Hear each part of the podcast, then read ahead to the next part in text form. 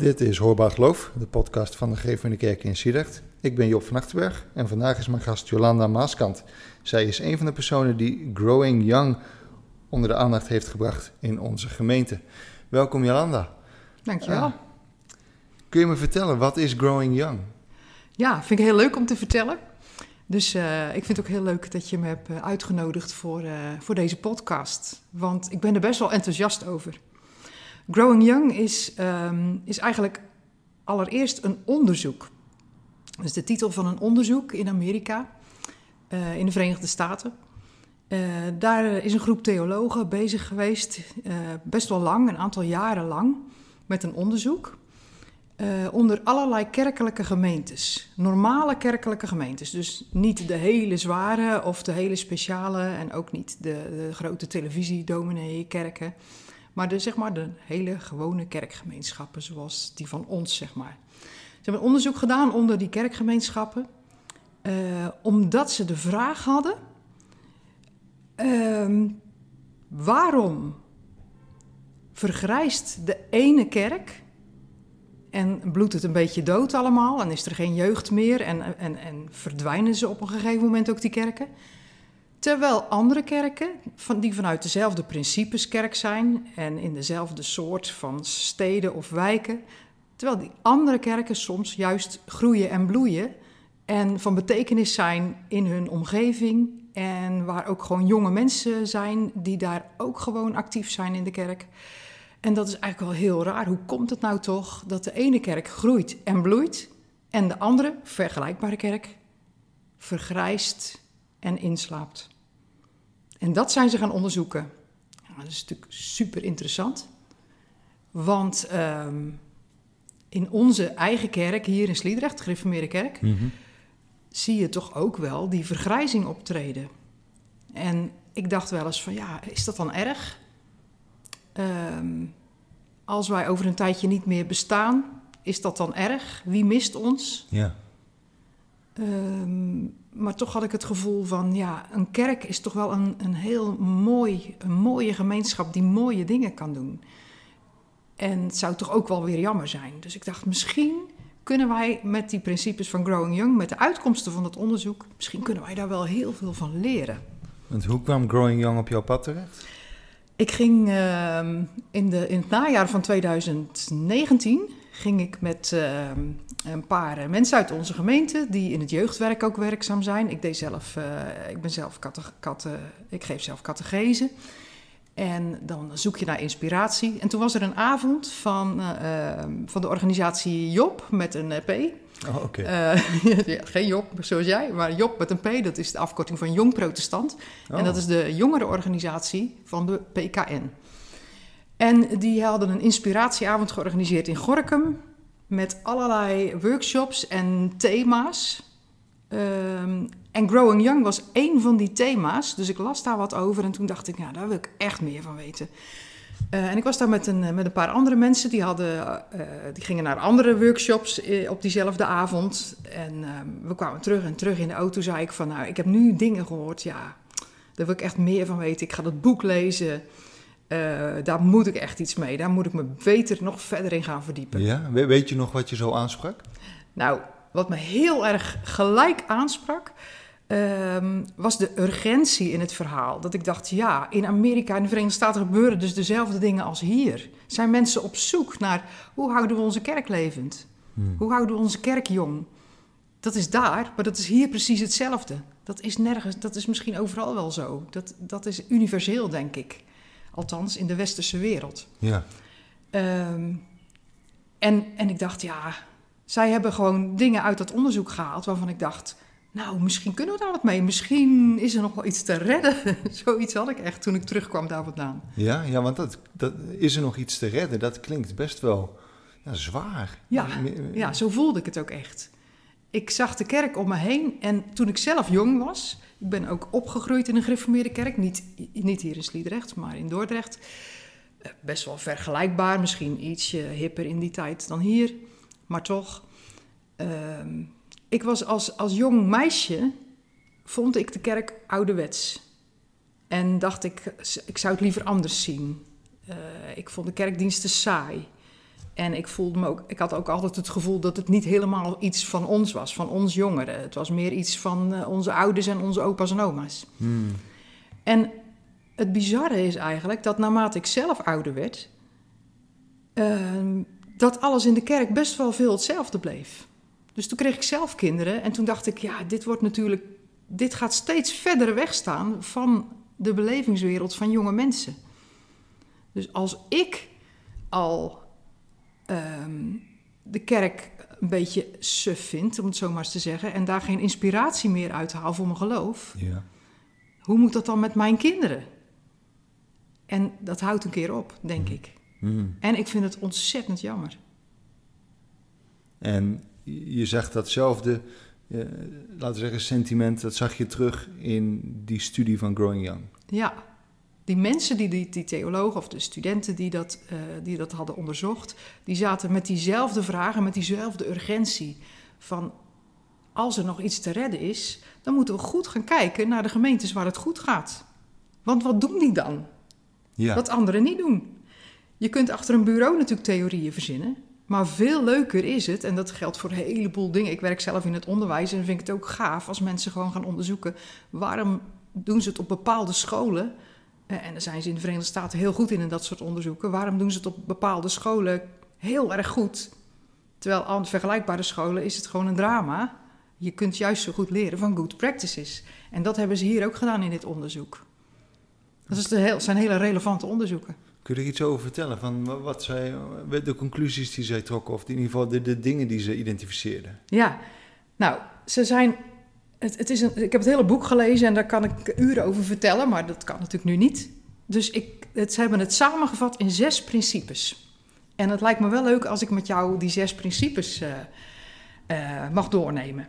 Zes principes. Nou, oké. Nou ja, dat, is, dat zijn er Zes niet zoveel, dus dat moet Nee, hè? Ja, dus, dat zijn, dus het, het is ook best overzichtelijk. Zes principes die, eh, die die gemeentes dus allemaal hebben, die wel groeien en bloeien. En waar jonge mensen zich wel thuis voelen. En dan valt het ook eigenlijk nog wel mee als je ziet wat het is. Dan denk ik, het is niet heel erg onhaalbaar volgens mij. Eh, het zijn zes principes die niet in een bepaalde volgo- volgorde van belangrijkheid staan. Het is niet zo dat principe 1 het allerbelangrijkste is en de zesde het minst belangrijk. Nee, het zijn zes gelijkwaardige principes. Oké. Die allemaal van even groot belang zijn. Eh, het eerste principe, dat noemen ze in Growing Young eh, Key Chain Leadership. Eh, een key chain, nou zeg maar een, eh, een sleutelbos, Ja, een ja. sleutelhanger met eh, sleutels. En key chain leadership, leiderschap met een sleutelbos in je hand. Dat was de eerste. Dus zat ik al gelijk op het puntje van mijn stoel, omdat ik me gelijk aangesproken voelde.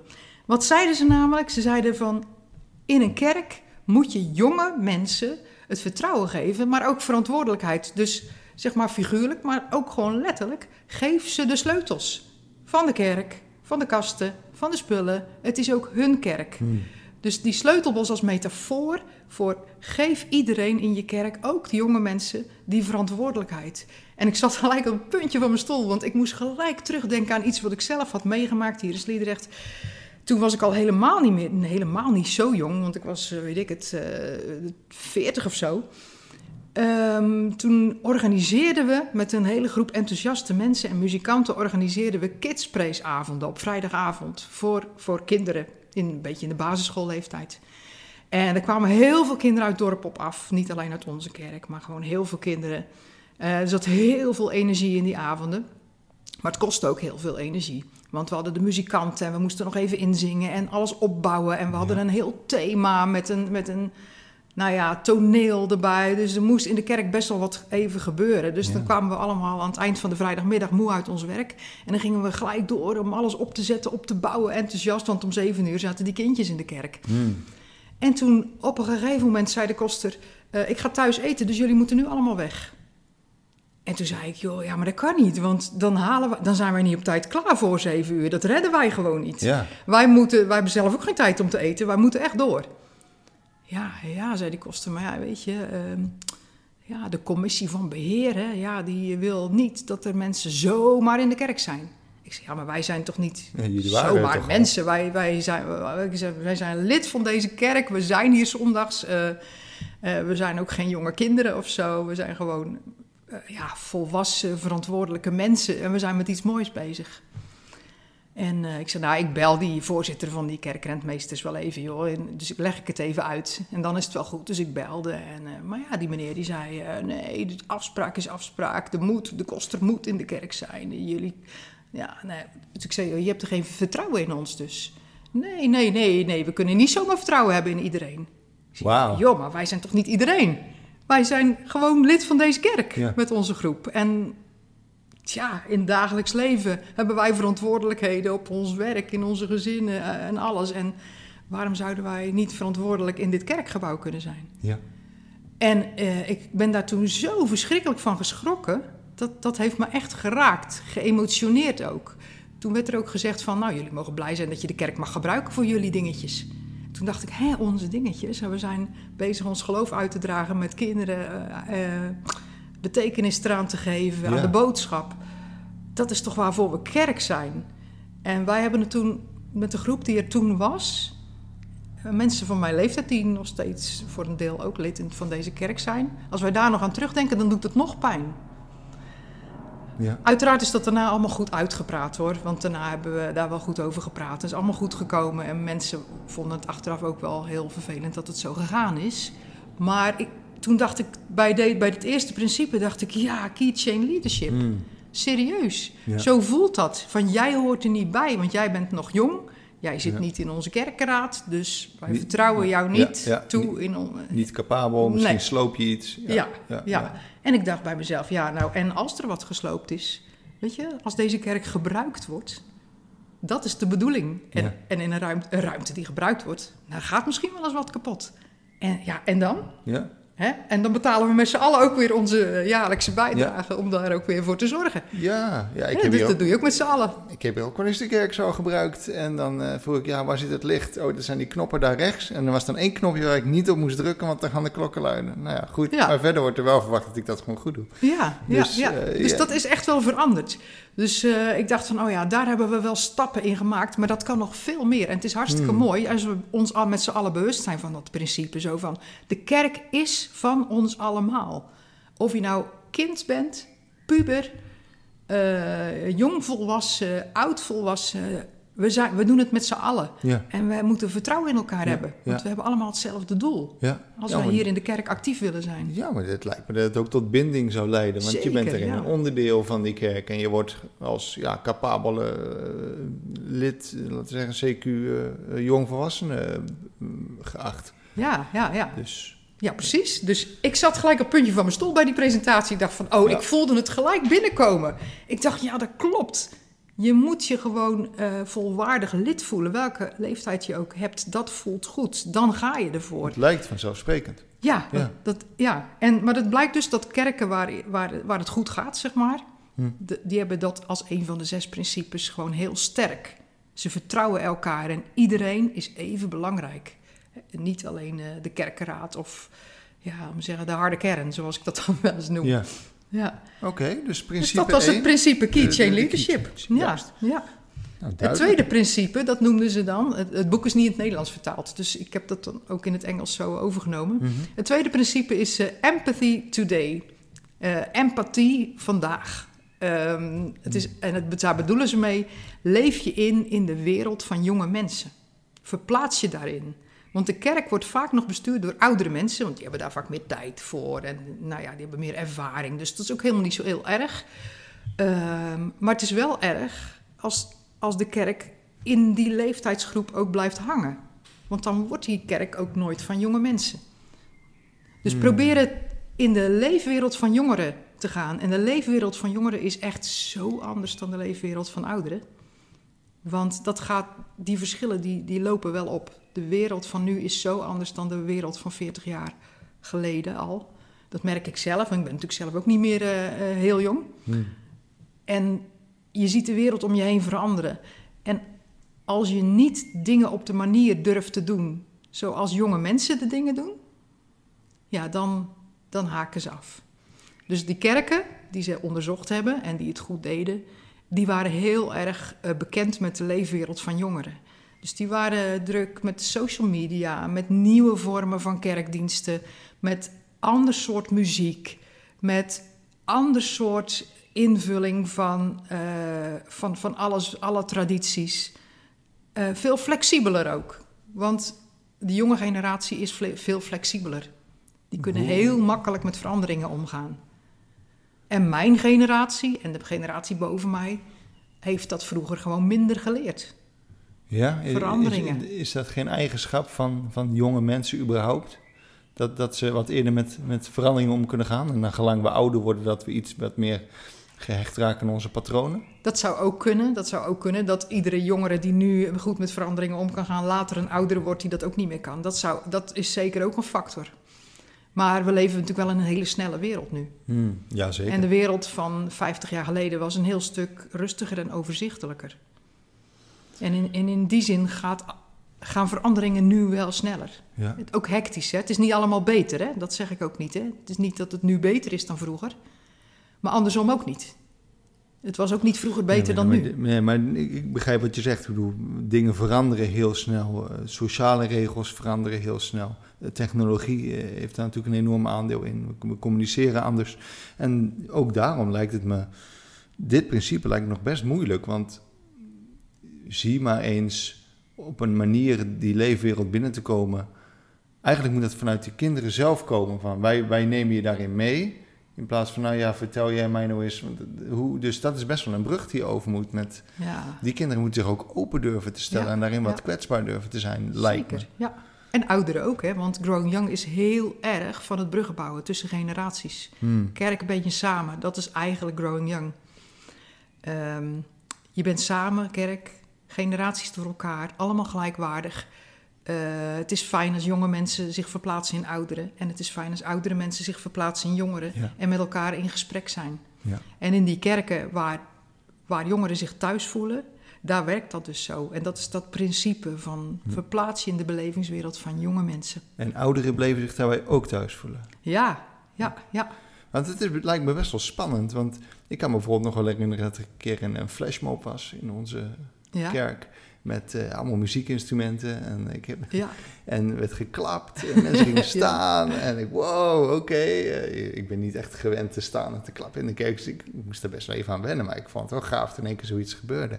Maar ik kan me ook voorstellen dat, nou ja, dat moet je wel even aan, aan durven te gaan. En, en, en Ja. aan te voelen met hoe zal dit binnenkomen. ja, En, ja. want ja, ik, ik heb begrepen dat er best wel dingen in onze kerk zijn met dingen die ooit verplaatst zijn of veranderd zijn, waar dan echt nog brieven over werden geschreven Ja. en, en, en dingen, nou ja, van dit had niet zomaar veranderd eh, ja, moeten worden.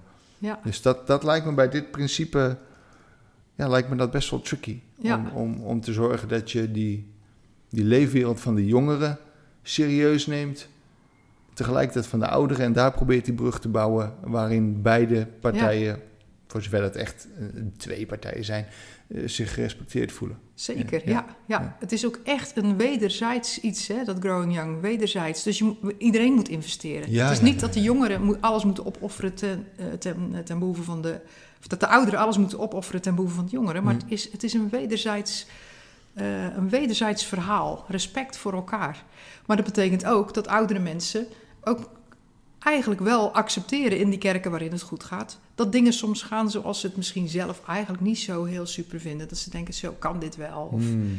Maar dat ze dan ook durven loslaten. Ja, dus dat passieve, daar moet je eigenlijk aan, aan alle aspecten van af. Dus, Ja. dus, dus ook uit durven spreken wanneer je eh, bijvoorbeeld ergens niet mee eens bent.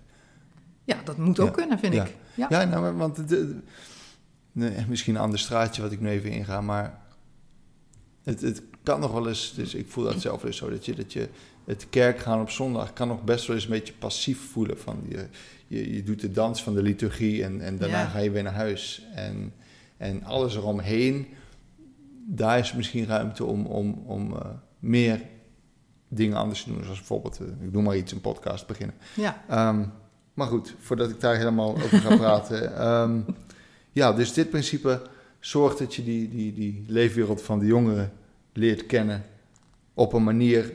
eh, Je ziet bijvoorbeeld ook wel eens dingen, eh, dominees die hip proberen te zijn op TikTok. Dan denk ik, Mhm. hm, nou ja, zou je dat wel doen? Ja, ja, ja. Nou, dat is ook wel heel leuk. In het boek van Growing Young staat ook ehm, welke dingen niet helpen. En het is wel leuk dat jij dit zegt. Oh, dat, ja. Want een, eh, een hippe dominee die, ehm, die in een hippe spijkerbroek of, nou ja, weet ik veel, die gewoon heel hip overkomt Ja. en hippe dingen gaat doen. Eh, jongeren die kunnen daarnaar kijken met een gevoel van eh, sneu, Hmm. deze meneer Hmm. of Ja. mevrouw. Ja, Want ja, je moet wel authentiek blijven. precies. En dat geldt eigenlijk voor iedereen.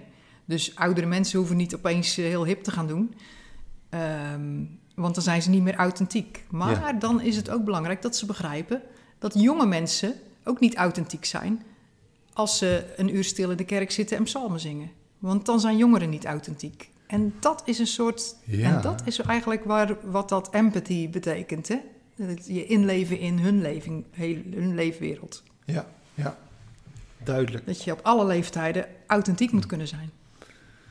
Wat een, wat een opgave. Om dat Ja, nog allemaal in één, één dienst eh Dat voor is elkaar het te krijgen. zeker ook. Ja. Ja, ja.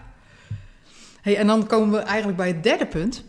En, ehm, en dat is eigenlijk het allerbelangrijkste.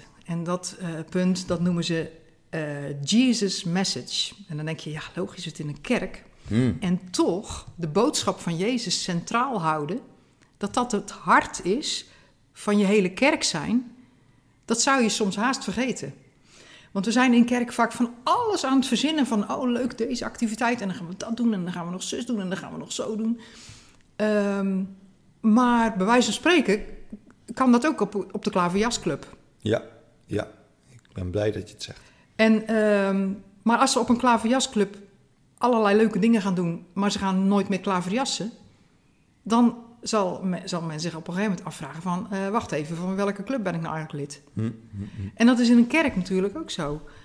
Ehm, in de kerken die ze onderzocht hebben, waar het dus heel goed ging en waar ook veel jeugd actief was, daar stond de boodschap van Jezus heel erg cen- centraal in alles. En alle activiteiten die daaruit voortvloeiden, die waren gebaseerd op die boodschap, die, die, die, die boodschap op de Bijbel eigenlijk. En je zou zeggen, ja, de, hè, kerk, de. En toch Het is weer dat authentieke. ja, toch is dat iets wat soms over het hoofd gezien wordt. Als je na kerktijd hier aan de koffie zit. En ik heb daar eh, een aantal keren heel specifiek op gelet, ook naar aanleiding van dit Growing Young. Dan gaat het helemaal niet over. dan gaat het niet over de preek of zo, of over. eh, zijn het geen geloofsgesprekken. En dat hoeft natuurlijk ook niet altijd. Maar nooit is een ander uiterste. Ehm, en ik kwam eigenlijk tot de ontdekking dat het nog best lastig is voor een heleboel mensen om te praten over hun geloof, zelfs in de kerk. Hm.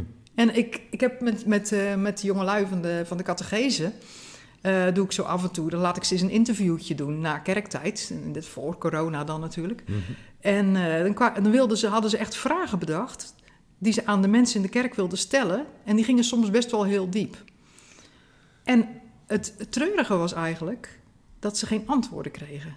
Dat, mensen het heel moeilijk vonden om over hun geloof te praten. En dat ze de grapjes over, eh, met een grapje maakten ze zich ervan af. Ja. Of ze begonnen juist een heel zagrijnig antwoord te geven. En dan vroeg iemand van, waarom wil u nou echt elke zondag in de kerk zitten? En dan wilden die jongeren wilden echt horen waarom die mensen zo graag in de kerk komen. Ja. Daar waren ze oprecht in geïnteresseerd. En dan kregen ze antwoorden als, ja, nou ja, weet je, het is een gewoonte, ik moest vroeger en ik ben het altijd blijven doen, ja. hm.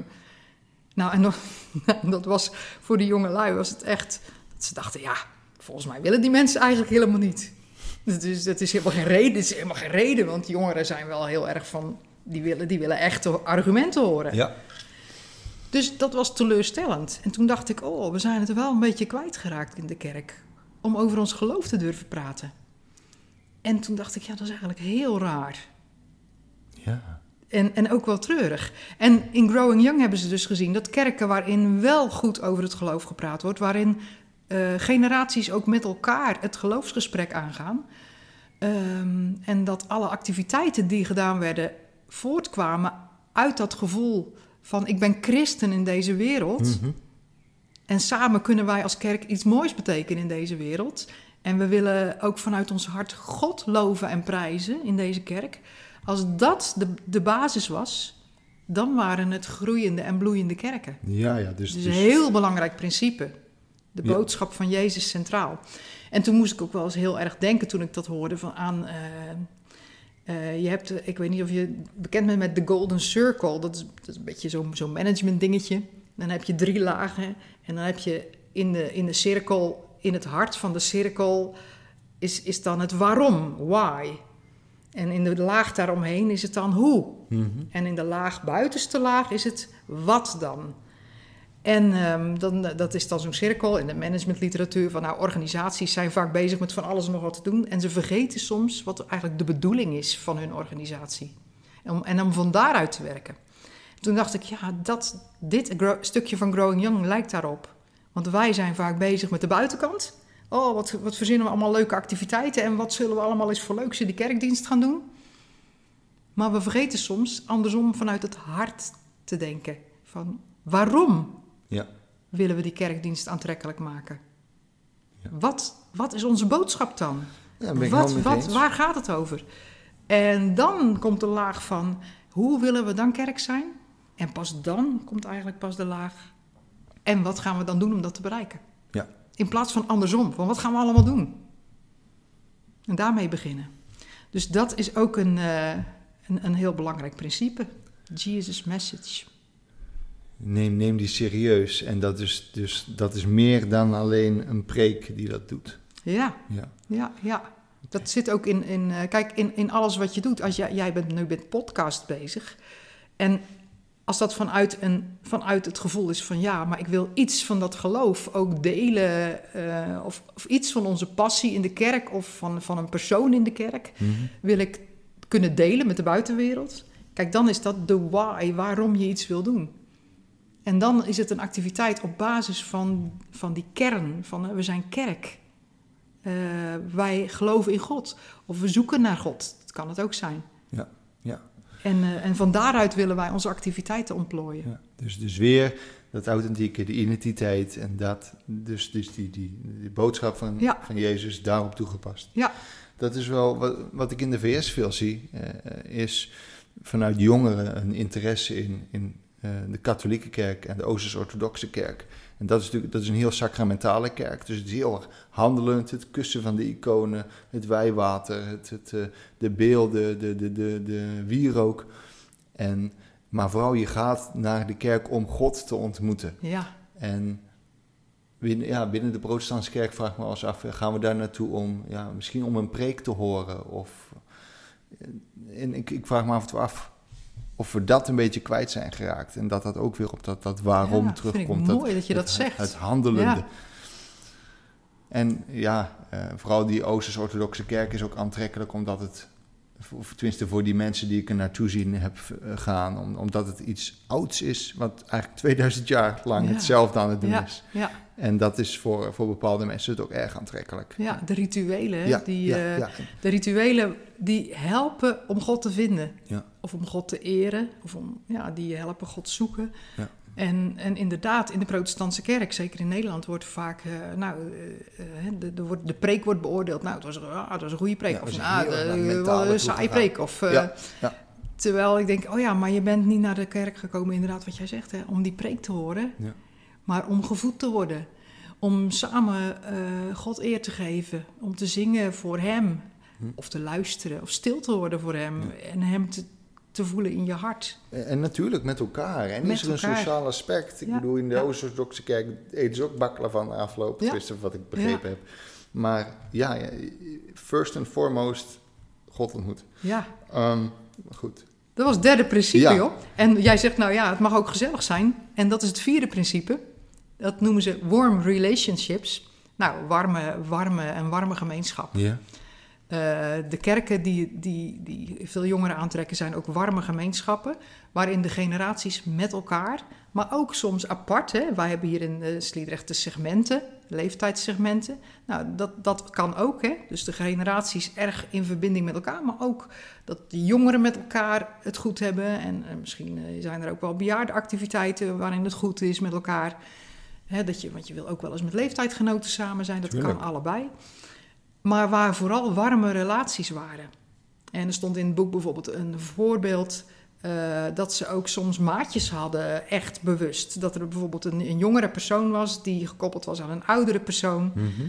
En die gingen dan af en toe gewoon dus echt eens samen zitten kletsen na afloop van de dienst. Die zochten elkaar dan op, maar die gingen ook in het dagelijks leven wel eens dingen met elkaar doen. Of een wandeling maken. Of gewoon het geloofsgesprek aan. Waarbij ze uit warme belangstelling voor elkaar ook tot een goed gesprek kwamen. En eh, niet dat iedereen dat dan deed, want het moet ook bij je passen. Maar eh, in, die, in die gemeenschappen waar het goed ging, was, dat waren ook warme gemeenschappen. Waar mensen ook met hun verdriet terecht konden. Waar ze het gevoel hadden van, als het niet goed gaat in mijn leven, dan staan er mensen om mij heen. En die vind ik ook binnen deze gemeenschap. En uh, dat was ook een belangrijk kenmerk. En dus ook een van die pijlers van Growing Young. Een, een hele belangrijke pijler. Dat je met elkaar ook een warme gemeenschap bent. Ja. En dat is ook weer een beetje, als ik het zo hoor, dat keychain dus volledig mee worden genomen in die gemeente. Nou moet ik zeggen dat ik wel daar leuke dingen van zie in onze gemeente. Bijvoorbeeld het, het, uh, de jongeren die pas geleden uh, uh, naar, wat was het nou? Die gingen volgens mij van de jeugdkerk af. Ja, ik denk van de, de kindernevendienst. Ja, ja. De groep achters, zeg maar, Ja. die nu naar het voortgezet onderwijs gaan. Ja, En eh, nou ja, bijvoorbeeld dan ook eh, eh, kinderen die eh, slagen voor een examen of een rijbewijs. Die, we zijn in onze, oh, een eh, stokpaardje, maar goed. We zijn natuurlijk een beetje die, die rites of passage, die overgangsrituelen zijn we in onze maatschappij hier en daar wat kwijtgeraakt. ja. We hebben er nog een paar, hier, rijbewijs en slagen Mhm. voor iets. En dat we dat inderdaad als kerk ook meenemen met... eh, Jantje eh, is, is geslaagd voor eh, zijn schoolexamen en laten we een kaartje sturen. Ik noem maar in de Wasstraat. ja, ja. Maar dat soort dingen gebeuren hier wel. Maar Ja, die gebeuren hier zeker. Dat is ook wel echt heel mooi. Hè? Want het is niet zo dat wij in onze kerk eh, alles nog moeten leren. ja, En daar, want ik denk juist dat deze kerk heel veel kansen heeft, omdat wij al heel veel van Growing Young in ons hebben. ja, ja daar en daarom, daarom, is er, eh, daarom heeft het kansen, denk ik. En, en het is prachtig wat je zegt. Ja, die kinderen die zijn op dat moment in de dienst ook even heel belangrijk. Ja, ja. Het is wat jij zegt een ritueel. Het is mooi. Het was afgebakend. Iedereen heeft ze ook weer gezien. Zo van, oh ja, die kinderen. En wat, wat ze nu dan ook weer doen, dat ze dan filmpjes opnemen. Ja. Waarin ze geïnterviewd worden. Ja. Dan is zo'n zo'n jongen, zo'n meisje van, nou, 12 jaar...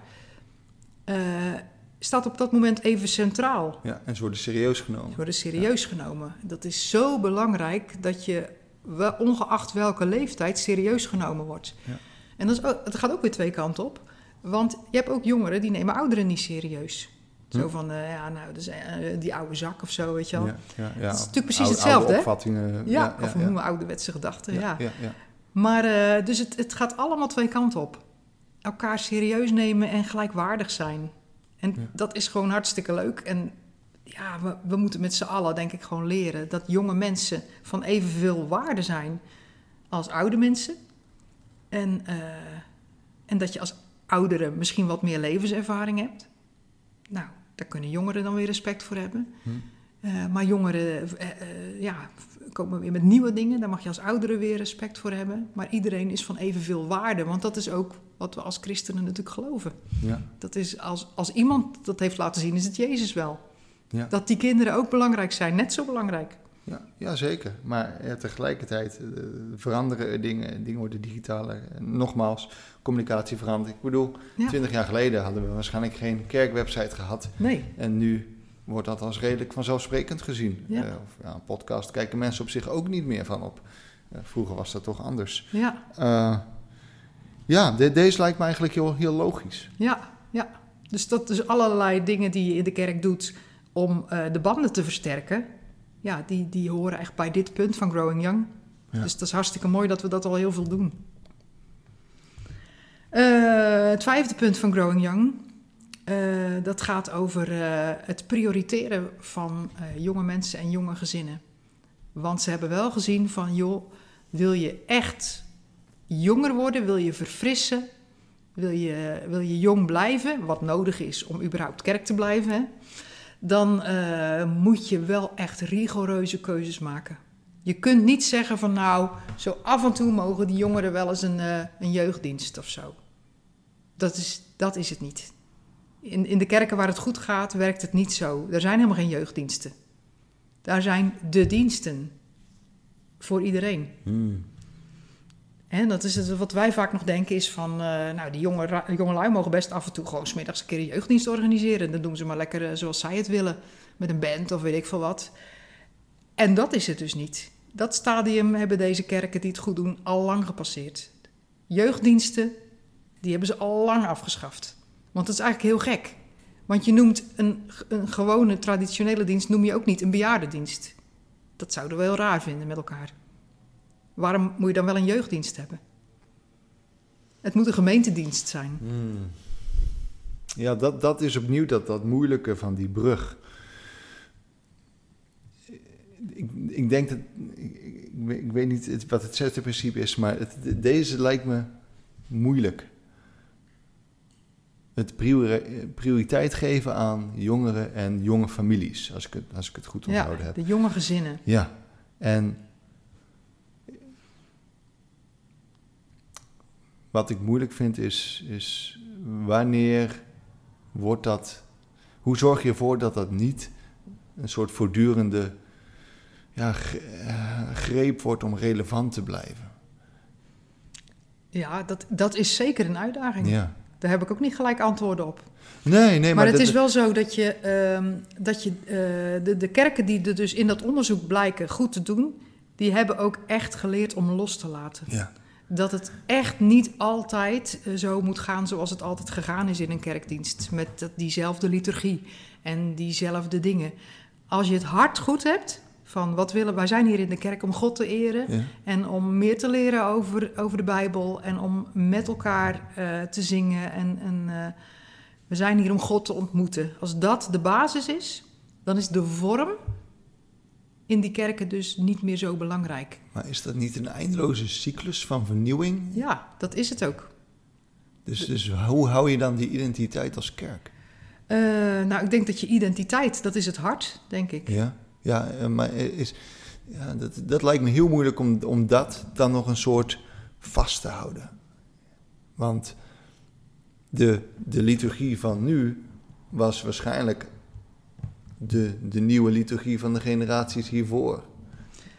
Ja, de liturgie van nu is de dezelfde generatie als die van mijn ouders en die zijn 90. Dus dat is al best, dat is gewoon al oud, zeg maar. Ja.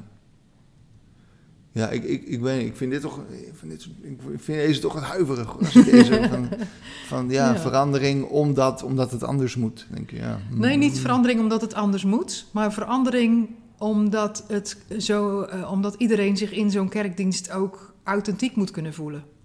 Van iedereen van alle leeftijden. En je hebt jongeren die, eh, ehm, die houden juist heel erg van de, van de liturgie zoals die is. Hmm.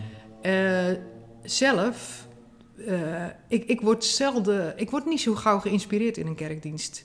En ik ben geen jongere, maar ik heb dat, ik heb dat al heel lang. Ik, ik voel me soms in andere kerken wat meer geïnspireerd. Omdat ik daar het gevoel heb van, eh, ja, het, het, het kan allemaal. Ik was in Rwanda en daar, ehm, daar voelde ik, ik de aanwezigheid van God zoveel meer dan bij ons.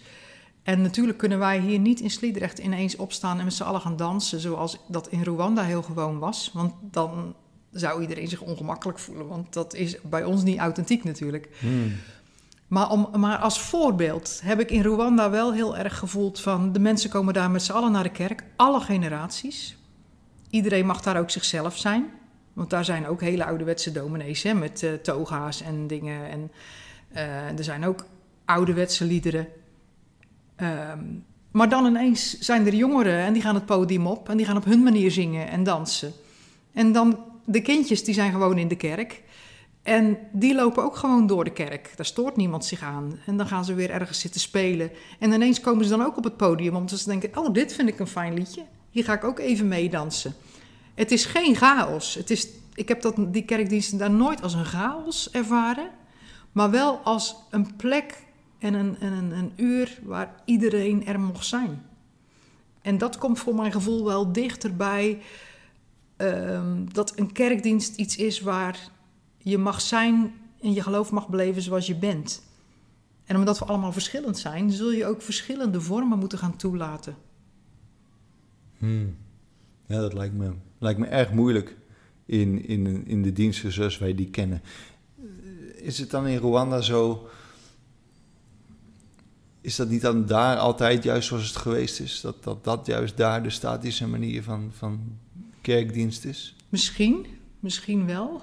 Uh, maar juist door de afwisseling en dat de generaties elkaar daar zo vrij lieten in hun eigen manier. Dus ze, ze zongen daar een, een soort van ouderwetse, wat, ja, wat je dan ouderwets zou kunnen noemen, gedragen liederen. En die zong iedereen dan heel eerbiedig gedragen mee. En uh, je kon goed merken dat dat iets was van de meer oudere mensen. Mm. Uh, maar even later, dan was het heel anders. En dan zag je de oudere mensen soms een beetje zo met zo'n glimlach naar elkaar kijken. Van, ach ja, die jonge lui. Nou, die mochten dan ook op hun manier weer gaan zingen. Ja. En ja. Uh, iedereen had, het leek alsof iedereen er vrede mee had dat de dingen verschillend waren. En dat vond ik heel mooi om te zien. En dat de kinderen er ook gewoon bij hoorden. Dat zie je in Nederland ook, uh, ook wel. Want ook in gewoon gereformeerde of protestant hervormde of wat dan ook kerken in Nederland... Uh, zie je ook wel verschil hoor. Ik uh, kom ook wel eens in een kerk waar de kinderen altijd gewoon in de kerkdienst zijn. Die zitten gewoon ergens aan een tafel en die zijn met dingetjes bezig. En aan het knutselen, aan het kleuren. Uh, af en toe komen ze even naar voren. Als er een kinderliedje op het programma staat, dan komen ja. ze soms er even, even bij om mee te doen. Of dan hebben ze soms bewegingen bij of wat dan ook. En die kinderen die, uh, zijn helemaal niet storend. Want dat zou je denken, maar dat is eigenlijk helemaal niet zo. Die zijn ook gewoon heel stil als er dan gepreekt wordt. Dan zitten ze gewoon lief te, lief te kleuren. En af en toe hoor je zijn stemmetje. En, uh, maar dat stoort niemand meer. Hm. Ze mogen er zijn. En, dat, en als ik dat zie... Um, ik, ik, zing zelf dan in een, in een bandje in Exodus. En dan komen wij komen dus in heel veel verschillende kerken. En dan zie ik dat en dan denk ik, oh ja, deze kinderen voelen zich uh, hier heel erg thuis. Ja, dus ja. dat vind ik echt heel mooi om te zien. Dan heb je ook niet die overgang van kindernevendienst naar ja, de kerk. En, dan is en kindernevendienst is natuurlijk ook goed. Het zijn andere vormen. Maar ik, dat, ik denk, oh ja, ze voelen zich hier heel thuis. Dus dat is mooi. Ja, ja. Ja, maar ik kan me bijvoorbeeld ook voorstellen dat het, als je gewend was als jongere aan een, aan een kindernevendienst, dat het daarna wat intimiderend is als je daar niet meer naartoe gaat. Ja. Uh, waar, je, waar je dit maand doet denken is, ik was in uh, Arizona, ik was aan het rondreizen met wat dominees. En een van de dominees daar, die, uh, die was de stichter van de zogenaamde Village Church in Tucson. En dat was best wel bijzonder. Dat was gewoon in een, een of ander gebouw wat ze ooit hadden overgenomen. En daar kwam je binnen, kwam je eerst in een enorme keuken. Echt zo groot als nou ja, deze, deze jeugdruimte. En er was al iemand bezig en uh, nou, dit eten we vanmiddag na de, na de dienst. Mm-hmm. En dan ging je naar rechts uh, en dan kwam je in een soort enorme huiskamer. En er stonden alleen maar oude banken en luie stoelen. En, ja. uh, en daar hingen een drietal schermen. En iedereen nam zijn plek. En dan, uh, nou ja, dan was, hadden ze daar, er was duidelijk een liturgie. Alleen die was voor mij heel moeilijk te zien, want ik kende die liturgie niet. Maar er werd ook op een gegeven moment ritme aangegeven door de kinderen met van die eitjes waar dan iets wat, wat ja. uh, met zand erin. Uh, iedereen deed mee. Dus wat je zegt, iedereen werd daar een soort in, in die dienst mocht zijn wie ze waren. Ik zag bijvoorbeeld ook een jongen die zat gewoon op zijn smartphone een spelletje te spelen tijdens de preek. Mm-hmm. En daar, daar vroeg ik later van, is dat een spelletje te spelen? En, ja, maar die was uh, dermate uh, snel afgeleid dat hij dat nodig had om zich te kunnen concentreren ja. op de dienst. Nou, dat, was mij ook dat heeft mij ook wel wat, wat achtergelaten van, oh ja. Dus, dus iedereen die was daar zoals, uh, ja, zoals ze wilden, zoals ze waren. En daarna werd er met z'n allen samen gegeten en mensen namen wat mee. Ja. En die bleven ook gewoon lang nog praten. En dan kreeg je het hele sociale aspect. Ja, dat is een beetje mijn droom ook wel. Hè? Dat we, en dat hoeft dan echt niet elke zondag. Hè? Ja. Maar dat, dat er ook zondagen zijn waarop we, waar we naar uitkijken met elkaar. Dat we zeggen, oh, nou, we gaan naar de kerk. Ja. En dat, dat, dat dan om die dienst heen, dat daar een ontmoeting is. Ja. Ja, ja, dat, dat, vind ik dan wel heel mooi. En dan helemaal mooi als daar ook gewoon echt die jonge mensen het leuk vinden om te zijn. Ja, en je zag er ook veel jonge families. Ja, en, dat vooral. Uh, het was, uh, ik vond het heel fijn om, om, om mee te maken. Ik had hier ik had koekjes meegenomen van Van de Wilde Bakkerij hier. En dus ja. dat, dat, was toetje. En het was, was een heel leuke dienst. Maar die, uh, die planter, die, die stichter van die, die kerk, die nou ja, dat was voor hem echt een experiment. En Ja. hij mocht dat doen van de, de Christian Reformed Church in de, in de United States. Maar het geval van, nou, kijk wel wat je doet, want je gaat nu iets radicaal anders doen. Ja. Maar eh, ja, het is, eh, het, ze groeien. Oh, en ook iets belangrijks. Iedereen die daar lid wordt van die kerk, krijgt de sleutel. Ja, Dat nou, leuk hè? Ja, maar dan is dat, dat is dus is echt growing young. Ze krijgen letterlijk de sleutel. Ja, Het is hun kerk. ja, ja. Die is van ons allemaal. En, eh, en, en die warme gemeenschap waar zij dan aan werken. Ja, dat is natuurlijk mooi. Ja, Ja, ja. ja. dat, was in, dat was dus in Rwanda ook zo'n aspect. Hè? Dat was niet alleen die kerkdienst zelf, maar daaromheen. Het eten met elkaar. Dat, het was, eh, daar zeiden de, de jonge lui, dus, eh, waar we toen daarmee eh, opgetrokken zijn... die waren allemaal zo'n beetje tussen de... Ja, tussen de, de 16 en, en, en de 26 zo'n beetje. Dat was, waren de meeste.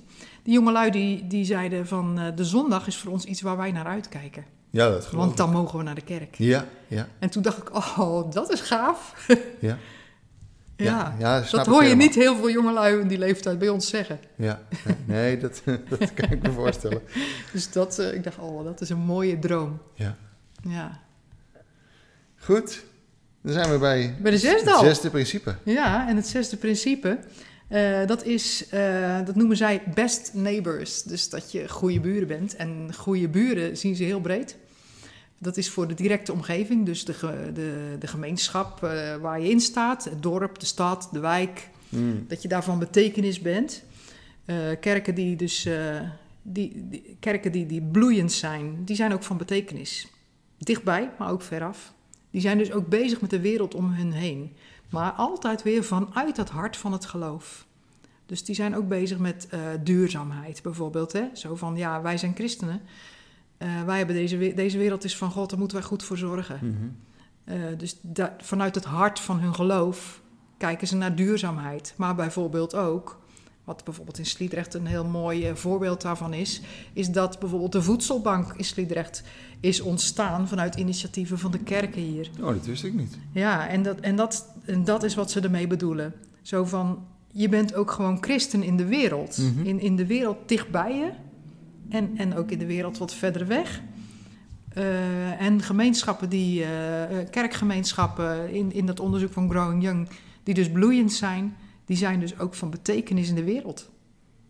Ja, ja, dat kan ik me voorstellen. Vanuit, die, die, vanuit hun geloof echt. Dus Ja. eigenlijk vanuit dat hart. Ja, maar het, het- de kerk is dat historisch toch ook altijd wel geweest. Ja, Dus- ja, dat is ook zo. Maar we vergeten het soms ook wel eens. Je hebt ook kerken, en dat komt heel erg in dat boek naar voren. Je hebt ook kerken die zijn heel erg naar binnen gericht. Echt navelstarende kerken. Die alleen maar in kerkraadsvergaderingen hebben ze het alleen maar over interne zaken en hoe dingen geregeld moeten worden en de organisatie en ehm, eh, wie is het eens met wie en wie is het niet eens met wie. En dat zijn de kerken die vergrijzen. Hmm. Dat zijn de kerken die gaan het niet, die gaan, die gaan het niet redden. Eh, je- je- je- als je blijft navelstaren, ja, dan, dat is het niet. Ja, ja, ja, je kunt jezelf niet blijven isoleren. Nee, Ja. nee, nee. Je, ben, je, je, je moet je realiseren dat als je christen wil zijn, dat je je kerkgemeenschap, dat dat nou juist een bron is van waaruit hele mooie initiatieven kunnen ontstaan. Waardoor de, de wereld ook kan zien van, hé, hey, kijk, die mensen geloven ergens in. Ja, ja, ja. Ja, en de kerk heeft zich natuurlijk altijd moeten meten met de, de cultuur om zich heen waarin Ja. ze zich bevond. Dus ja, Ja, en al die principes, die zijn gewoon altijd om dat hart, het geloof heen. ja. Dus dat zijn de, de, de zes principes. Ja. En ik kan er nog heel veel over vertellen, Ja, want dat- dan heb ik nog niet echt niks al, uit niet het hele boek verteld. Maar dus ik, denk maar- dat dit een mooie samenvatting was. We, praten ook alweer even, maar Ja, ja, dankjewel. Het is... eh, ik, ja, ik, ik, ik, ik wist er wel een paar en ik wist niet precies wat ik ervan moest denken. Maar dit is, eh, ja, ja. Ja, dus Growing Young is niet echt iets van, oh, dit, eh, nu gaan we ineens allerlei activiteiten doen en dat heet dan Growing Young. Nee, Hmm. Growing Young is meer een mindset. Eh, het zou heel mooi zijn als alle geledingen in onze kerk bij de dingen die ze gaan doen, gewoon die zes principes in hun hoofd zouden hebben.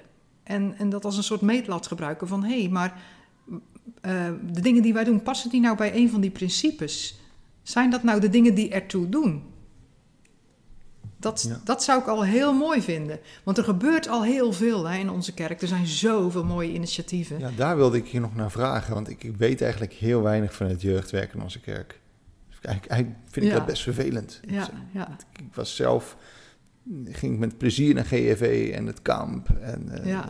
eigenlijk weet ik het hier helemaal niet zo. Nee, nee, dus, nee. dus wat, ja, we, we hebben op zich, we hebben nog, laten we zeggen, nog tien minuutjes.